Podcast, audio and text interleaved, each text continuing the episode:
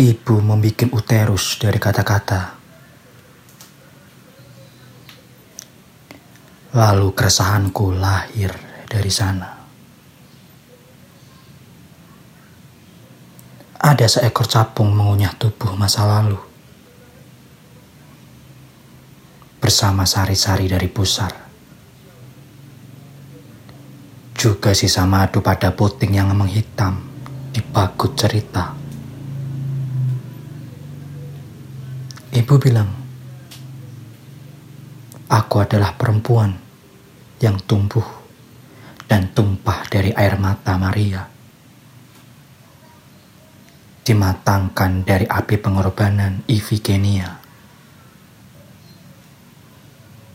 Bersolek manis dalam untayan rambut subdara. Senyap berendam di balik singkap gaun Opelia hingga kemudian terbangun dari mimpi-mimpi Zulaika.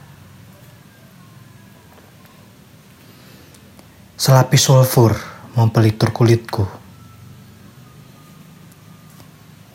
Ada juga kumbang-kumbang merebah pada meja rias yang penuh dengan komposisi. Sisir seperti jerat laba-laba. Bedak serupa warna kemarau. Kilau lipstik bebas edar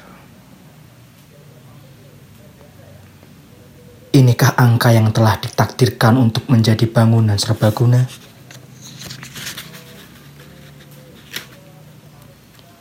Hingga suatu hari, dari rahimku lahir diriku sendiri.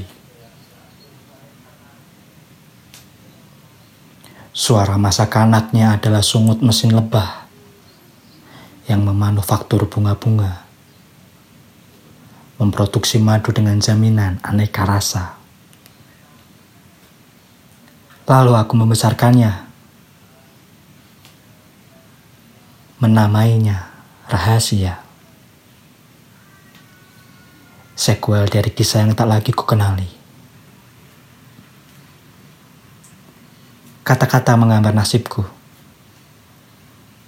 menyusun bait kental dari aroma rambut dan nektar. Seperti angin diedarkan udara. Arsitektur Perempuan karya Widya Mareta dalam buku Puasa Puisi.